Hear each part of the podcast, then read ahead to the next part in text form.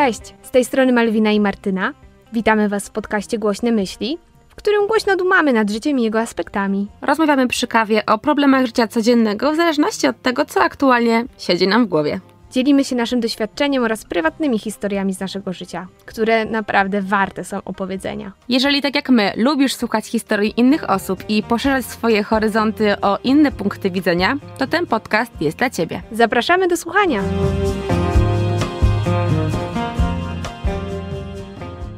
Zadam Tobie kilka pytań i zastanów się, na ile z nich odpowiesz pozytywnie. Czy miewasz natłok myśli, który słyszysz non-stop w swojej głowie i dodatkowo utrudnia ci zasypianie czy koncentrację przy nauce lub pracy? Czy masz słomiany zapał do rzeczy, które przestają ciebie ekscytować? Czy podejmujesz się wielu działań w tym samym czasie, przez co nie udaje ci się ich ukończyć lub spóźniasz się z ich wykonywaniem? Czy cały czas myślisz sobie jak o osobie leniwej, która nic nie robi? Czy jesteś perfekcjonistą lub perfekcjonistką? Jeśli na większość z nich odpowiedziałaś lub po odpowiedziałeś pozytywnie, to może oznaczać, że masz ADHD. Cześć, z tej strony Malwa, czyli jedna druga głośnych myśli, a ten odcinek poświęcony jest mojej historii diagnozy ADHD. Ten odcinek specjalnie tak clickbaitowo zatytułowałam, dlatego że coraz więcej mówi się o ADHD.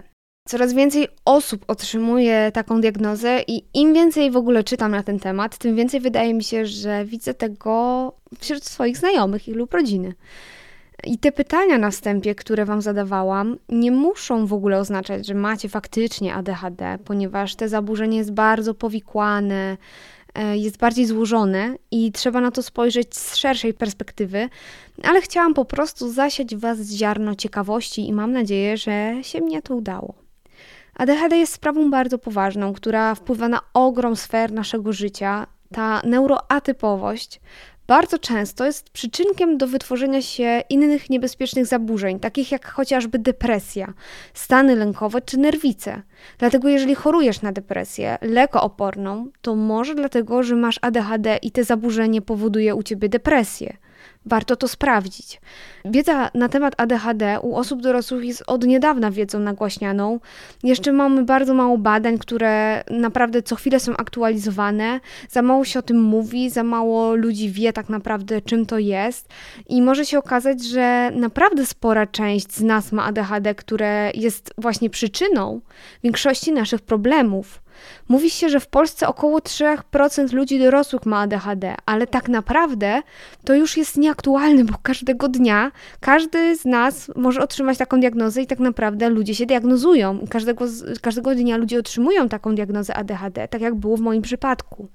Oprócz tego, że przez właśnie ADHD jest nam trudniej żyć w świecie stworzonym dla osób neurotypowych, y, przez co namnaża się właśnie masę innych problemów, to dodatkowo to y, zaburzenie może przyczyniać się do czyjejś śmierci. Dlatego, że osoby mające ADHD mają ogromne trudności ze skupieniem uwagi, szybciej się rozkajarzają i podejmują impulsywniejsze decyzje, potrzebują po prostu takich dawek silnych emocji, jakieś poczucia adrenaliny i często powodują poważne wypadki samochodowe. Badania podają, że aż 40% wypadków samochodowych spowodowanych jest przez osoby z ADHD. Mocne, co nie?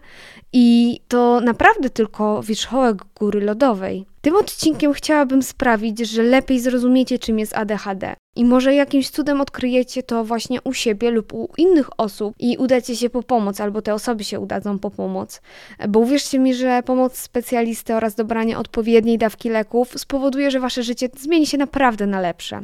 Dodatkowo świadomość, iż wszystko, co złe, to nie wy sami, to nie spowodowane przez was, tylko tak naprawdę wasze ADHD. I wyjaśni wam to naprawdę wiele sytuacji, w których nie wiecie, czemu postępujecie w konkretny sposób. Ja tak miałam. Dzisiaj na wszystkie sytuacje, które były w moim życiu spowodowane właśnie przez moją neuroatypowość, patrzę z wielką łagodnością, z taką wyrozumiałością dla samej siebie, ponieważ w tamtych momentach często albo paliłam się ze wstydu, bo robiłam jakieś głupoty, albo żałowałam wielu decyzji, bo podejmowałam je impulsywnie właśnie, ale ja nie miałam prawa wtedy wiedzieć, czemu to robię i czemu się tak zachowuję, i obwiniałam samą siebie, porównując się do innych ludzi, że ja jestem taka, siaka i owaka, że jestem gorsza od innych, i już oczywiście spadała moja pewność siebie. Myślałam o sobie właśnie jako o sobie głupiej, leniwej, gorszej od innych. Ja walczyłam ze sobą, żeby się dopasowywać, wymyślałam masę jakichś różnych schematów, działań, które mają, miały mi to ułatwić, ale to było naprawdę wielkie poświęcenie i ogrom pracy musiałam w to włożyć. I teraz to mi się serio wszystko układa w jedną całość. Y, jakbym znajdowała puzzle takie z moją przeszłością, z fragmentami jakichś rysunków i na tamtą chwilę nie wiedziałam, co one oznaczają, a teraz patrzę na te puzzle i ja wiem, gdzie je mam włożyć i co z nich powstanie. I nagle tak buduję cały wielki obraz mojego życia. I życzę naprawdę wszystkim takiego otworzenia oczu, takiej świadomości, dlatego chciałabym się z Wami podzielić moją historią. W listopadzie ubiegłego roku zostało mi zasugerowane przez panią psycholog, że mogę mieć ADHD, ze względu na moją opowieść o mnie samej, jak i o mojej rodzinie. W grudniu wypełniłam test DIVA 2.0 i skonsultowałam go z psychiatrą. Diagnoza była jednoznaczna, to ADHD. No to w takim razie, czym jest ADHD? ADHD to zespół nadpobudliwości psychoruchowej z deficytem uwagi.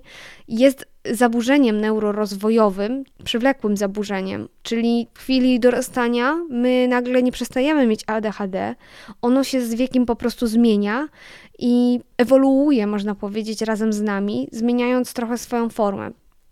ADHD dzieli się na trzy podtypy. Pierwszym z nich jest ADD, czyli deficyt koncentracji uwagi, i jest to jedna z form ADHD, tylko że w niej nie ma mowy o impulsywności. Są to z reguły osoby, które są takie ciche, spokojne, natomiast mające spore trudności ze skupianiem się, szybko się rozkajarzają, zapominają i tym podobne. Kolejny podtyp ADHD, najczęściej występujący u dzieci, ale również zdarza się u dorosłych, na przykład u mężczyzn, to jest z przewagą nadruchliwości i impulsywności. No jest róż, y, oczywiście też podtyp mieszany, który no, najczęściej występuje u osób dorosłych.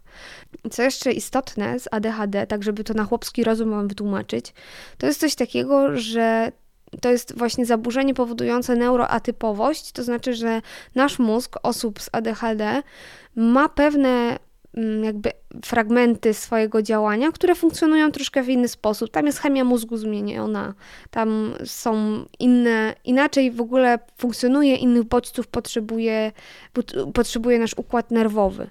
Dlatego często ciężko jest nam się odnaleźć w tym świecie, który jest stworzony tak naprawdę dla dla i przez osoby neurotypowe. I wiecie, to nie było do końca tak, że zasugerowano mi te zaburzenie i ja się, nie wiem, wkurzyłam, że jak to, ja mam ADHD, zwariowali, niemożliwe, co za głupoty. Albo, że byłam w ogóle wielce zaskoczona, że dostałam takie, o, ADHD, no niemożliwe. Nie, no właśnie niekoniecznie. Ja wcześniej zaczęłam, już dużo wcześniej zaczęłam sporo czytać na ten temat, yy, bo coraz więcej moich znajomych otrzymywało diagnozę ADHD i coraz więcej w gronie właśnie moich bliskich zaczęłam rozmawiać na ten temat, a bardziej oni opowiadali. No, co po prostu było konsekwencją tego, że więcej zaczynałam na ten temat sama czytać, bo mnie to zainteresowało, tak po ludzku.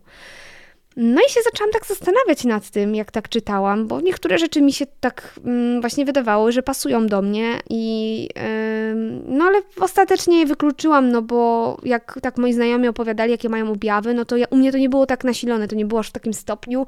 Zresztą, no ja jestem no, osobą, która jest ambitna, która jest pracowita, która yy, osiągnęła wiele jakichś takich różnych na studiach lub yy, w w trakcie w ogóle swojej edukacji takich osiągnięć dodatkowych, e, naukowych, więc no gdzie tutaj ADHD? No, Trochę mi się to nie zgadzało, no ale jak już mm, otrzymałam diagnozę od y, psychiatry, zostałam właśnie wtedy poproszona o wypełnienie darmowego testu DIVA 2.0. Znajdziecie to normalnie sobie w internecie. I y, miałam się z, y, udać po wypełnieniu tego testu na konsultację z, z psychiatrą i najlepiej takim, który właśnie specjalizuje się w ADHD u dorosłych. No i ten test DIVA 2.0 należy oczywiście wykonywać z kimś, kto Was zna, żeby zweryfikował, czy zaznaczacie właściwe odpowiedzi, no bo wiecie, często sobie, często siebie postrzegamy w zupełnie inny sposób niż jesteśmy naprawdę. Nie wiem, no na przykład wydaje nam się, że nie wiem, jesteśmy jacyś nieomilni, nie powodujemy żadnych błędów, no a się może, wiecie, okazać zupełnie inaczej, że jest. Albo, że nie wiem, no wcale dużo nie mówimy i nie przerywamy innym, a tak naprawdę to non-stop przerywamy innym, jak ja na przykład. No i dopiero jak czytałam te pytania w teście, który swoją drogą był na maksa długi, bo miał aż 20 stron. Czajcie, to 20 stron. I taki szczegółowy. Musicie sięgnąć pamięcią do dzieciństwa i do tego, co czuliście, co robiliście, jakie były emocje, jakie były wasze zachowania. No i chyba około godziny wy wypełniałam razem z mężem ten test w domu. No i wtedy właśnie sobie uświadomiłam, jak potężny wpływ ma te całe ADHD na to, jaka byłam, jaka jestem. Sporo czytałam, ale w tamtym momencie zaczęło mi się tak naprawdę otwierać oczy. Nie wiedząc, co wyszło z testu, miałam przeczucie, że sugestia pani psycholog jest podstawna. I no bo wiecie, na końcu tego testu nie macie tak, że sobie spisujecie wyniki i macie, jest ADHD, tam nie ma takiego czegoś. To trzeba pójść do psychiatry i on to dopiero przeanalizuje, on pogłębi, zrobi z wami wywiad. To jest takie narzędzie, które ma jakby ułatwić prowadzenie rozmowy, ale to nie jest y, to nie jest diagnoza, tak? Po wypełnieniu tego testu to nie jest 100% pewności, że będziecie, że macie ADHD. No, ale ja udechałam się do psychiatry z tym testem i y, po, po, po tym całym wywiadzie okazało się, że faktycznie ja mam ADHD. No i podstawą, która jest po prostu bazą tego zaburzenia, jest występowanie objawów w dorosłości oraz w dzieciństwie. To jest taki czynnik kluczowy. Więc jeżeli w trakcie słuchania tego odcinka pomyślisz sobie, że o, to jestem cała ja, cało, yy, albo cały ja, to zastanów się tak naprawdę, czy to, co robisz teraz i to, co ja na przykład robię i się z tobą zazębia, to czy również miało miejsce w przeszłości. Bo jeżeli nie wpasowywałaś, wpasowywałeś się w ten taki schemat dziecka ADHD w dzieciństwie, to niekoniecznie masz ADHD tak naprawdę teraz. Ale warto warto się zastanowić, zas y, tak może też udać do specjalisty, żeby to przeanalizować. Może sobie weźcie, zobaczcie ten test również i sobie przeczytajcie.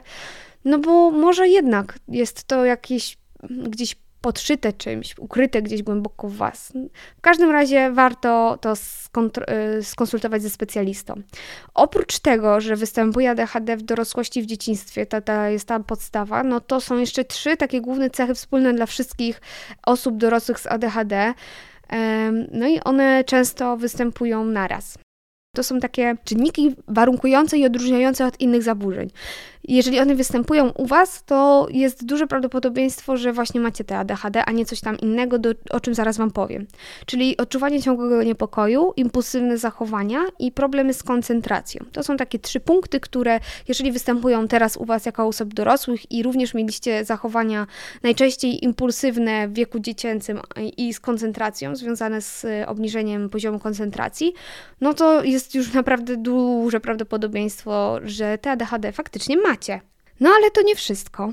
Jest różnica jeszcze taka dodatkowa w objawach pomiędzy płcią męską a płcią żeńską. Kobiety częściej mają problem ze swoją emocjonalnością, nie radzą sobie dość często ze swoimi emocjami, przez co nierzadko są skrajne w swoich zachowaniach. Na przykład bardzo szybko wybuchają gniewem i szybko się wyciszają, jak u choleryków. Potrafią płakać z byle powodu, są mocno wrażliwe, albo też mówi się, że są przewrażliwione. E, mimo bardzo szybkich zmian w zachowaniu, na przykład właśnie te momentalne przechodzenie z radości w smutek, z gniewu w spokój, mają ogromny problem ze skupieniem się na innych czynnościach podczas odczuwania tych silnych emocji. Na przykład, jak wybuchną już tym gniewem, się na maksa zdenerwują, to nie mogą wykonywać dalej jakiejś czynności, którą robiły, na przykład, nie wiem, kroiły coś, albo czyściły, muszą przerwać. Po prostu nie mogą się skupić. Tak jakby ten bodziec tej emocjonalny, ten ładunek emocjonalny był tak silny, że zawładnął na chwilę tą osobą i nie są w stanie po prostu e, kontynuować tej czynności, skupić się znowu na tej czynności, przez co e, sobie oczywiście muszą pomóc w jakiś inny sposób rozładować te napięcie i sięgają bardzo często po używki. To są najczęściej osoby uzależnione od e, albo papierosów, albo alkoholu, więc albo pójdą na fajkę, albo nie wiem, sobie zrobią szocika, albo napiją się szklaneczkę piwka. No i właśnie się mówi, że kobiety, no niestety z ADHD mają większą skłonność do nadużywania takich substancji, no ponieważ mają jakby większy problem z tą emocjonalnością. Mężczyźni e, jednak częściej mm, w odróżnieniu od kobiet wykazują takie zachowania impulsywne i rzadziej są właśnie tacy rozchwiani emocjonalnie, więc na przykład bardzo często się zdarza, że tacy chłopcy, mężczyźni mają problemy z prawem, albo robią jakieś takie nielegalne rzeczy, albo wchodzą w jakieś bójki, bijatyki. Bardzo często mogą być osobami, które powodują przemoc domową, albo w ogóle no, impulsywni, porywczy, nerwowi bardzo, szybko się wkurzają, wybuchają i no, nierzadko właśnie używają siły. I te rozróżnienie kobiet od mężczyzn jest dość istotne dla ADHD, ponieważ zanim pogłębiła się wiedza na temat tego zaburzenia, to bardzo często takie kobiety diagnozowano jako osobowości z pogranicza, czyli borderline, ponieważ właśnie ta cecha wspólna jest dla tych dwóch zaburzeń. Więc kiedy mężczyzn, dzieci, w sumie chłopców trafnie diagnozowano w kierunku ADHD i wdrażano odpowiednie leczenie, odpowiednią terapię, to kobiety najpierw musiały bardzo często zmagać się ze swoją diagnozą borderline i niekoniecznie to im przynosiło ulgę i leki no, bardzo często nie działały. I jak teraz sobie w ogóle przypominam, to kilka lat temu trafiłam na kanał Hani S na YouTubie i ona właśnie opowiadała o swoim borderline. To było chyba 5 lat temu, ona miała bardzo dużo na temat tego, jak wygląda borderline. Ja wtedy pierwszy raz e, usłyszałam, czym jest borderline. No i e, też tam mówiła o tym, że to tak średnio nie działa, tam ona miała różne przeboje. No i e, kilka lat temu, nie, no dwa lata temu chyba, w 2021 roku, bo ja jeszcze chyba byłam wtedy w, przed w ciąży byłam? W ciąży byłam. Albo to było jak rodziłam już? Tak, no, w okolicach mojego porodu oglądałam y, sobie ten odcinek, bo wrzuciła nowy, że ma nową diagnozę. No i tak patrzę, a ona zaczyna mówić, że jednak nie borderline, że trafiła do specjalisty od ADHD u dorosłych i to był jeszcze taki moment, gdzie naprawdę było mniej tych specjalistów, a to było tylko dwa lata temu y, i podano jej diagnozę ADHD. Ja wtedy pierwszy raz w ogóle usłyszałam o tym, czym jest ADHD u dorosłych, czym się objawia i takie miałam taką myśl miałam, że kurde, no to jest postęp w nauce i naprawdę spoko, bo się może okazać, że wiele osób to może mieć. No i wiecie, skoro tak naprawdę dość niedawno zaczęto o tym mówić głośniej, a wcześniej w ogóle nie rozpowszechniano tej wiedzy, no to nic dziwnego, że kobiety były tak błędnie diagnozowane. Ogólnie w ogóle kobiety są zajebistymi, kamene, kaleme, zajebistymi kameleonami, jeżeli chodzi o dopasowywanie się do wymagań otoczenia, bo już od małego każą nam wchodzić w jakieś różne role, mówią nam czego wolno, czego nie wolno, czego się od nas oczekuje e, i my po prostu y, bardzo szybko łapiemy jak grać, żeby przetrwać i żeby wygrać w tym, w tym wszystkim. Więc często ten problem y, nie jest tak łatwo do wykrycia, więc dziewczynki no trudniej jest y, zdiagnozować i dlatego się mówi, że u dziewczynek częściej ADHD przeradza się w ADD. One jakby chowają te impulsywne zachowania, uczą się je wyciszać, co jakby pogłębia im ten problem z koncentracją. No i w ogóle jest bardzo podobna też kwestia z autyzmem, nie? No bo autyzm jest również zaburzeniem neurorozwojowym, więc są bardzo jakby z tej samej e, bajki te dwa zaburzenia, ADHD i autyzm. I tak samo jest właśnie w przypadku autyzmu, że na początku tylko mówiono, że chłopcy mają autyzm, później, że dziewczynki, ale u dziewczynek bardzo trudno było dojść do tego, bo one się bardzo szybko uczyły, jak odbijać emocje, jak y, funkcjonować w społeczeństwie, podpatrywały, jak się budować buduje relacje i ciężko było stwierdzić, y, czy one mają faktycznie autyzm, bo były takimi oszustkami trochę, nie? Ja to mówię w cudzysłowie, no bo on to oczywiście to był taki system jakby obronny. Wiedziały, że coś jest nie tak, ale no próbowały jakoś y, funkcjonować. No i to dokładnie to samo jest z ADHD.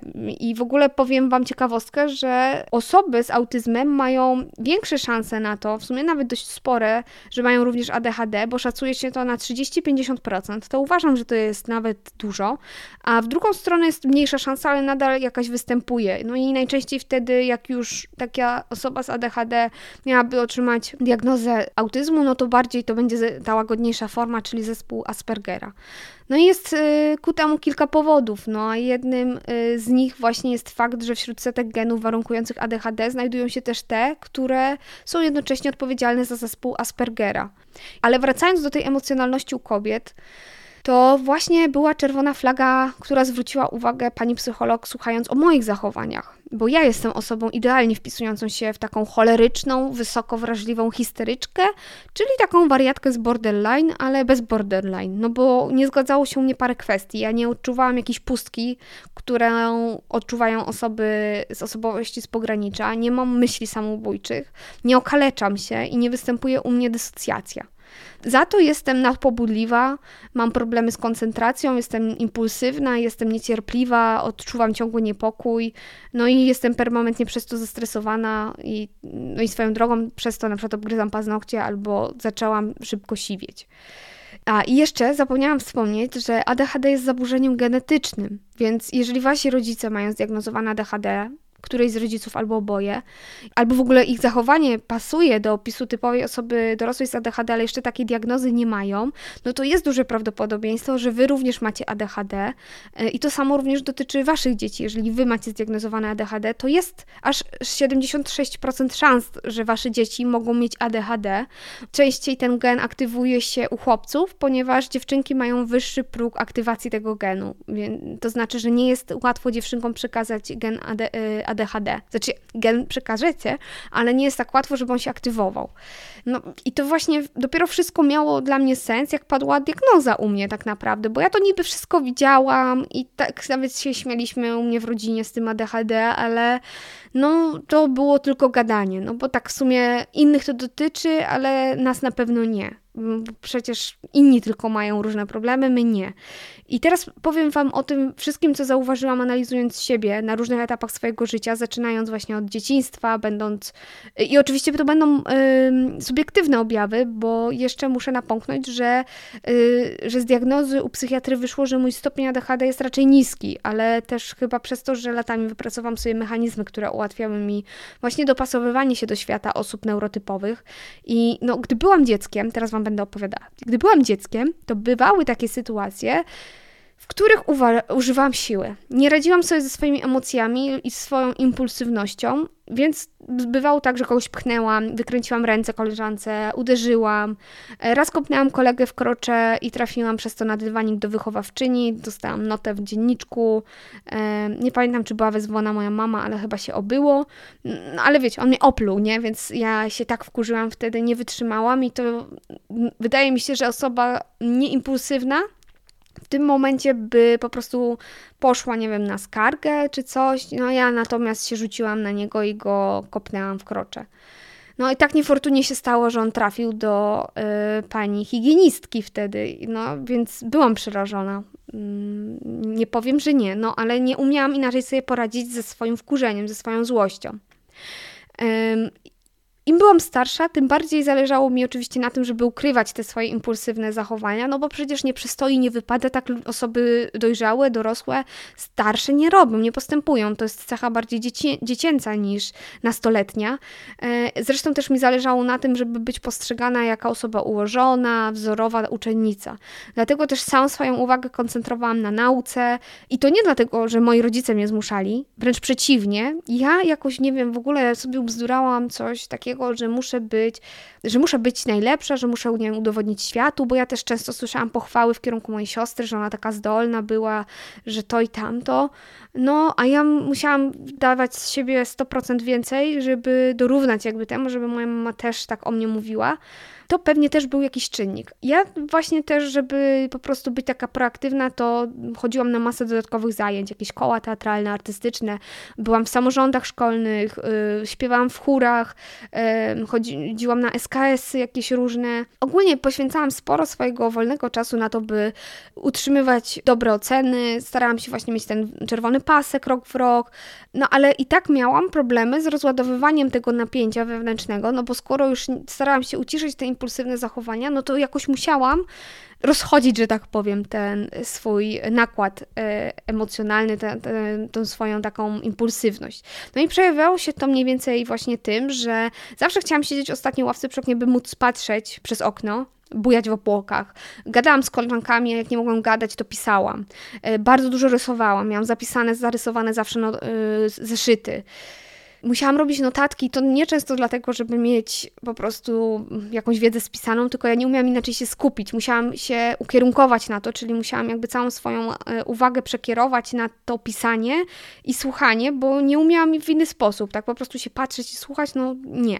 Dodatkowo podejmowałam się wielu aktywności, które umożliwiałyby mi bycie w ruchu. No zawsze zgłaszałam się do przyniesienia, a to kredy, a to namoczenie gąbki, a to pójście po dziennik, a to przyniesienie dziennika, a to może jakieś klucze przynieść odnieść. No i nauczyciele dlatego bardzo mnie lubili, bo zawsze mówili, że jestem taka uczynna, że zawsze pomagam, zawsze dbam o porządek w klasie, a to kwiatki podlewam, a to tamto, sramto. E, lubiłam być bardzo dyżurną. Natomiast to raczej było spowodowane właśnie tym, że ja musiałam być w ruchu, musiałam coś robić. Ja bardzo nie lubiłam siedzieć w ławce. Były też takie sytuacje kiedyś w szkole, w liceum to było, jak ja po prostu nie byłam w stanie już wysiedzieć na lekcji. To była ósma godzina lekcyjna. Ja naprawdę już miałam dość siedzenia, bo cały dzień spędziliśmy w ławce. No i sobie wstałam. No siedziałam właśnie w ostatniej ławce przy oknie. No i sobie wstałam i tak sobie stałam i patrzyłam przez to okno. I nauczyciel coś tam pisze sobie po tablicy i nagle się odwraca i mówi: Malwina, czemu ty stoisz? Wszyscy oczywiście się na mnie patrzą. Już tam ktoś wybucha śmiechem, że czemu ja stoję. A ja mówię, że no bo nie chce mi się siedzieć. No i oczywiście wybuch y, śmiechu w klasie, że co ja w ogóle odwalam, bo ja oczywiście słynęłam z robienia jakichś głupich rzeczy. E, no, nauczyciel taki też zaczyna się śmiać, mówi: Malwina, nie przesadzaj, siadaj. No i co ja miałam zrobić? No, siadłam, no po prostu, chociaż gotowało się we mnie, bo ja już nie mogłam usiedzieć na tyłku. Więc no, na przykład takie zachowania moje. Gdy przyszedł już okres takiego właśnie wzmożonego dorastania, e, czyli no zostańmy przy tym liceum, bo to właśnie taki etap e, licealny, no to to był już taki kryzys właśnie mój, że ja nie radziłam sobie dość mocno z tymi schematami, które sobie wcześniej wypracowałam, bo to też już był taki czas, że no organizacyjne jakieś e, plany legły w gruzach, no i żeby rozładować to moje napięcie, dobodźcować się w jakiś sposób, to zaczęłam palić papierosy, bo to też dawało mi takie wyjście na przerwie z ludźmi, miałam wiele bodźców, nie dość, że papierosy to jest jakaś taka substancja, która działa w jakiś sposób, nie wiem, daje jakieś ukojenie, jakiś lekki haj, taki przez chwilę, bo jest wzrost nikotyny, jest taki bodziec, że świeże powietrze, dużo znajomych, dużo ludzi, no i to właśnie był taki, taki ten czas, ja też wtedy, więc zaczęłam alkohol, alkohol spożywać, ale to chyba jak wszyscy, więc tutaj nie mówię nic odkrywczego. A w ogóle tak co do mojego zachowania, jaką jestem osobą, ogólnie, no to na przykład jestem nadmiernie gadatliwa już mam mniejszy, ale miałam problem ze słuchaniem, co mówią inni ludzie. To znaczy słuchałam, ale nie skupiałam się na tym, co mówią, bo czekałam tylko na moment, kiedy ja będę mogła coś powiedzieć. Teraz już wypracowałam sobie mechanizm słuchania, ale to kosztowało bardzo dużo pracy.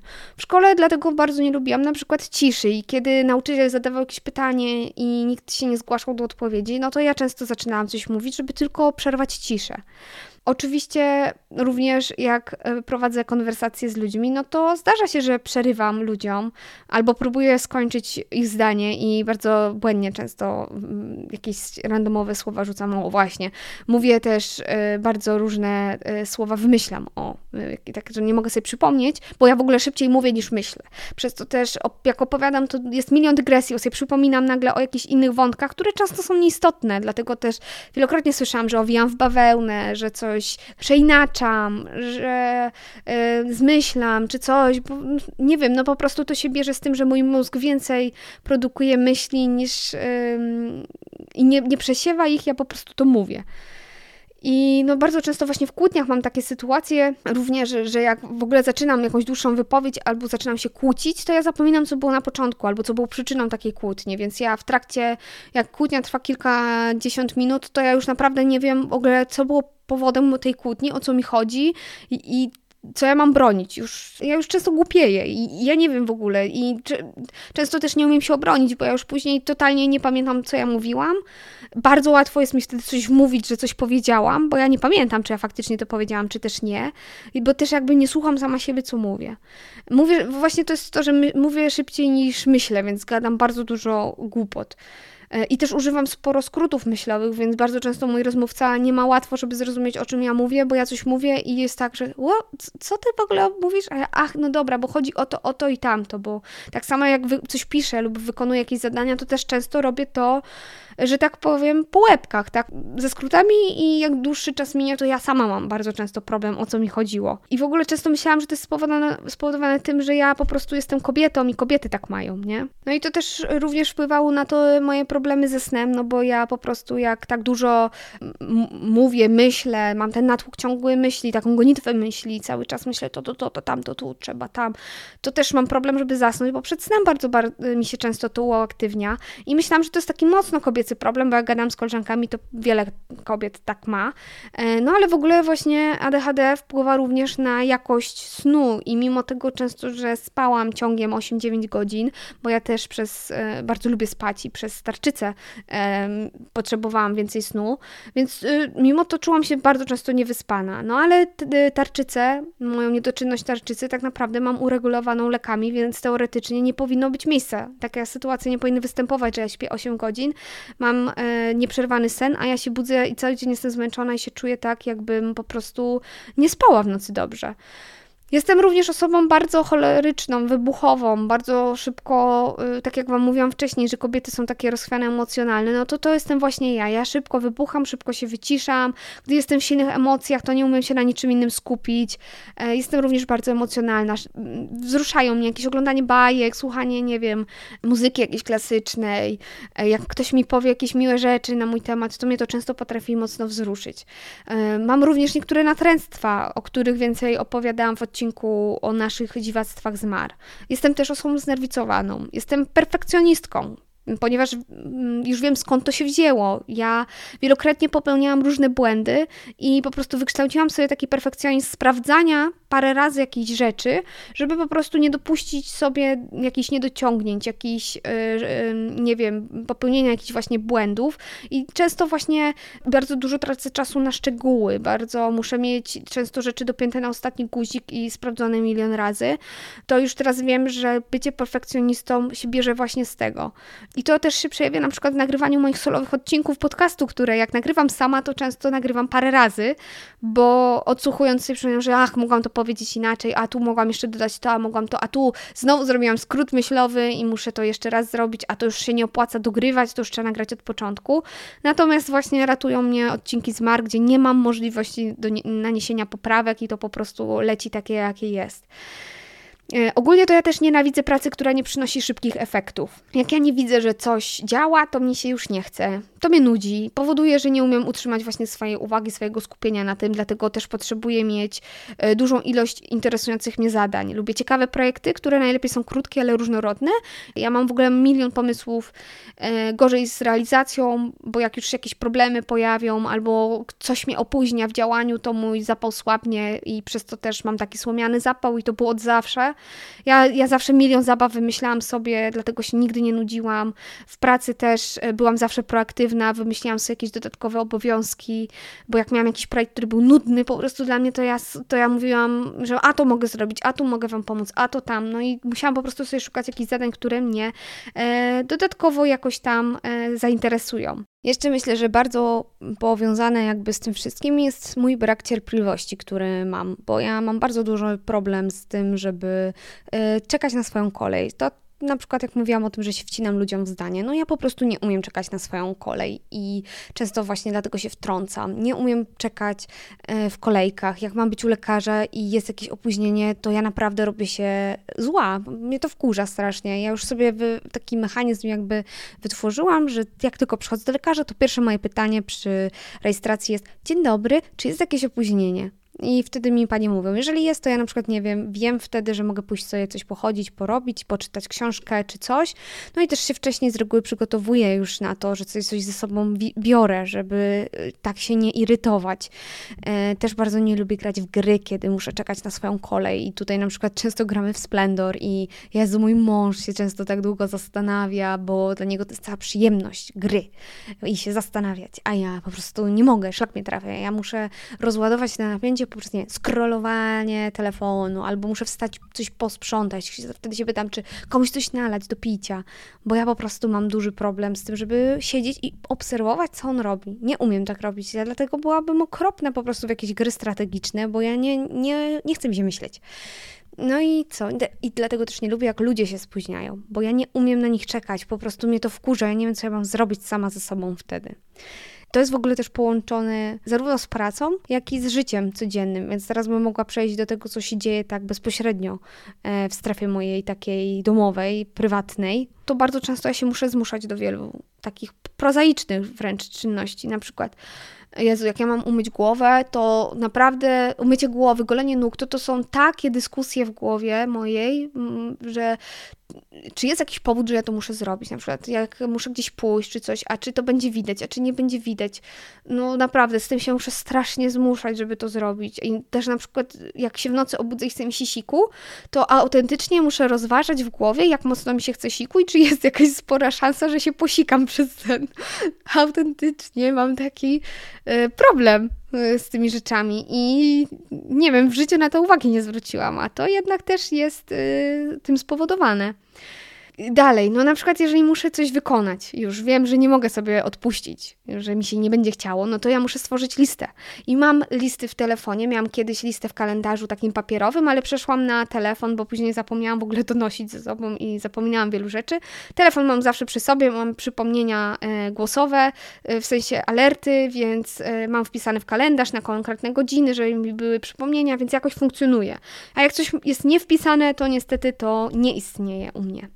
E, jeszcze taką jedną rzeczą, która jest dość istotna, to to na przykład, że ja mam ogromny problem z podejmowaniem decyzji. I o dziwo, w pracy na przykład e, lubiłam być osobą decyzyjną, bardzo to lubiłam, bo nienawidziłam e, podejmowania złych decyzji w firmie, ale to bardziej wiązało się z tym, że ja miałam większe jakby doświadczenie w czymś, co wykonywałam, więc wiedziałam, jaką decyzję podjąć, żeby mój dział, e, nie wiem, się wyrobił. Nie miałam też problemu z priorytetyzacją zadań, bo wiedziałam, co jest ważne, żeby coś wykonać, natomiast w życiu takim codziennym, to ja mam ogromny z tym problem problem i bardzo często jest tak, że ja nie umiem podjąć decyzji, boję się podejmowania decyzji, bo boję się konsekwencji, że podejmę złą decyzję. A która z decyzji jest ważniejsza, to już w ogóle nie umiem Wam powiedzieć. I często przez to podejmuję błędne decyzje albo takie impulsywne, że zwlekam z podjęciem decyzji na ostatnią chwilę coś podejmuję. To również się wiąże trochę z tym, że mm, jak już właśnie coś mam wykonać, jak już podejmę jakąś decyzję, że coś muszę zrobić, to często robię to na odwal się bo y, na przykład sprzątanie. Jestem osobą pedantyczną, ale pedantyczną tak z grubsza bym powiedziała, bo nie mam czegoś takiego, że muszę każdy kawalątek skrawek sprzątać, że jak już biorę się za sprzątanie salonu, to już sprzątam wszystko. Owszem, robię tak raz na jakiś czas, ale nie co tydzień. Co tydzień sprzątam tak z grubsza, czyli tak, żeby na pierwszy rzut oka wyglądało, że jest czysto. Y, tak samo jak, nie wiem, ściągam buty, to często je ściągam w taki sposób, że się mi bardzo szybko niszczą y, tam, gdzie jest pięta, bo po co co rozwiązywać sznurówki i ściągnąć jak normalny człowiek. Ja je tak ściągam po prostu stopami. E, jak muszę przygotować jakąś prezentację czy coś napisać, no to Jezu, to też robię często pirazy drzwi. Coś sobie jakieś hasła napiszę i dobra, będę, e, nie wiem, lała wodę, jak ściągi robiłam na przykład. To bardzo często były hasłami, no oczywiście też z tego powodu, żeby e, zmieścić jak najwięcej, no ale też wykształciłam sobie przez to umiejętność lania wody i improwizowania, bo albo wykształciłam, albo to jest właśnie moja pięta achillesowa, że e, improwizuję i nie umiem przez to e, zrobić czegoś dobrze, raz a porządnie, tylko często później muszę poprawiać, tak jak chociażby z tymi podcastami, że zaczynam coś pisać, napisać sobie jakiś konspekt i mówię, dobra, dobra, dobra, to ja już to nagram, bo już, już jestem na świeżo. No i nagrywam, później sobie przypominam, że jeszcze to, jeszcze tamto. Ten podcast nagrywam już drugi raz, bo pierwszy raz nagrałam i stwierdziłam, że nie, jeszcze za mało powiedziałam, więc więc no tak to wygląda u mnie. No ale powiem Wam, że świadomość tego, że mam te ADHD, naprawdę wiele mi wyjaśniła. I ściągnęła wiele problemów z moich barków, i teraz te sytuacje ja jestem w stanie sobie wytłumaczyć, nazwać. Teraz Wam to tak opowiadałam yy, już z takim jakby opisem, dlaczego to się dzieje, dlaczego, skąd to się brało. I powiem Wam jeszcze, że jak dostałam lek od psychiatry, który był właściwie dobrany, odpowiednią dawkę, to biorę go tylko właśnie wtedy, kiedy potrzebuję naprawdę się mocno skupić i naprawdę on mi pomaga być taką bardziej skupioną, wzmacnia moją cierpliwość, bo jestem totalnie niecierpliwa, e, pomaga mi radzić sobie z moim rozchwianiem emocjonalnym, przez co ja się tak szybko nie wybucham, nie denerwuję się, jestem mniej zestresowana i naprawdę y, moja pamięć lepiej działa, więc nawet jak mnie coś rozkojarzy, to wiem, na czym skończyłam i jak do tego wrócić. No i jeszcze pewnie teraz jesteście ciekawi, jak mówię o tym leku, czy ten lek uzależnia. No i powiem Wam, że tak. Wszystko jest w stanie Was uzależnić, jeżeli jest nieprawidłowo dobrane do Was i się zażywa w nieprawidłowy sposób. Ten lek ma udokumentowane i potwierdzone działanie nieuzależniające, jeżeli jest stosowany w prawidłowo dobranej dla Was dawce. A wręcz właśnie działa hamująco, ponieważ osoby z ADHD mają ogólnie większą tendencję do uzależniania się od wszelkiego rodzaju substancji yy, psychoaktywnych, od jakichś tam używek, yy, więc to jest taki lek, którego też, to jest istotne, nie trzeba brać dzień w dzień. Możecie go stosować tylko wtedy, kiedy potrzebujecie. Mi mówił psychiatra, że są ludzie, co biorą tylko od poniedziałku do piątku, żeby w pracy się skupić. Inni biorą tylko um, wyrywkowo, kiedy potrzebują, tak jak ja. Ja nie biorę go codziennie, ja tylko biorę wtedy, kiedy naprawdę potrzebuję. A nawet na ulotce jest napisane, żeby nie stosować go, że to nie jest lek do stosowania przewlekłego, tylko trzeba robić przerwy, a jeżeli ktoś już decyduje się na takie dzień w dzień stosowanie, to nie dłużej niż rok, że po roku trzeba zrobić przerwę. Dobra, myślę, że nie wyczerpałam tematu, bo ADHD jest naprawdę szerokim problemem i można wiele na ten temat gadać, ale myślę, że przedstawiłam Wam taką pigułkę tego, co chciałam Wam powiedzieć w tym odcinku. I mam nadzieję, że jakoś Wam przybliżyłam tą wiedzę na temat ADHD u osób dorosłych, szczególnie właśnie u kobiet, i że naprawdę ten odcinek komuś pomoże, bo nagrywam go właśnie z taką intencją, by poszedł w świat i pomógł wszystkim, wszystkim innym osobom. Dlatego proszę Was o każdą wiadomość, jeżeli komuś y, z Was lub Waszym bliskim pomógł ten odcinek, albo zwiększył chociażby Waszą świadomość i otworzył was, Wasze oczy na, na ten problem, albo skłonił do, nie wiem, właśnie udania się do specjalisty, a w ogóle jeżeli ktoś po przesłuchaniu tego odcinka poszedł do psychiatry i po obszernym wywiadzie otrzymał diagnozę ADHD, to już w ogóle będę szczęśliwa i bym prosiła o taki feedback, bo to mi na pewno da informację jakąś zwrotną na temat, czy mój cel został spełniony. Więc dawajcie proszę Was znać w komentarzach na Instagramie lub w wiadomościach prywatnych na Instagramie. Możecie też mailowo, jeśli wolicie być bardziej anonimowi. No a ja Was tymczasem żegnam. Ściskam wszystkich bardzo serdecznie i proszę pamiętajcie o wystawieniu nam oceny na Spotify, ponieważ to bardzo dużo dla nas znaczy, daje nam kopa do działania i my naprawdę zerkamy tam i patrzymy, czy coś nowego się pojawiło. Myślę, że z mojej strony to już wszystko. Trzymajcie się cieplutko. Cześć.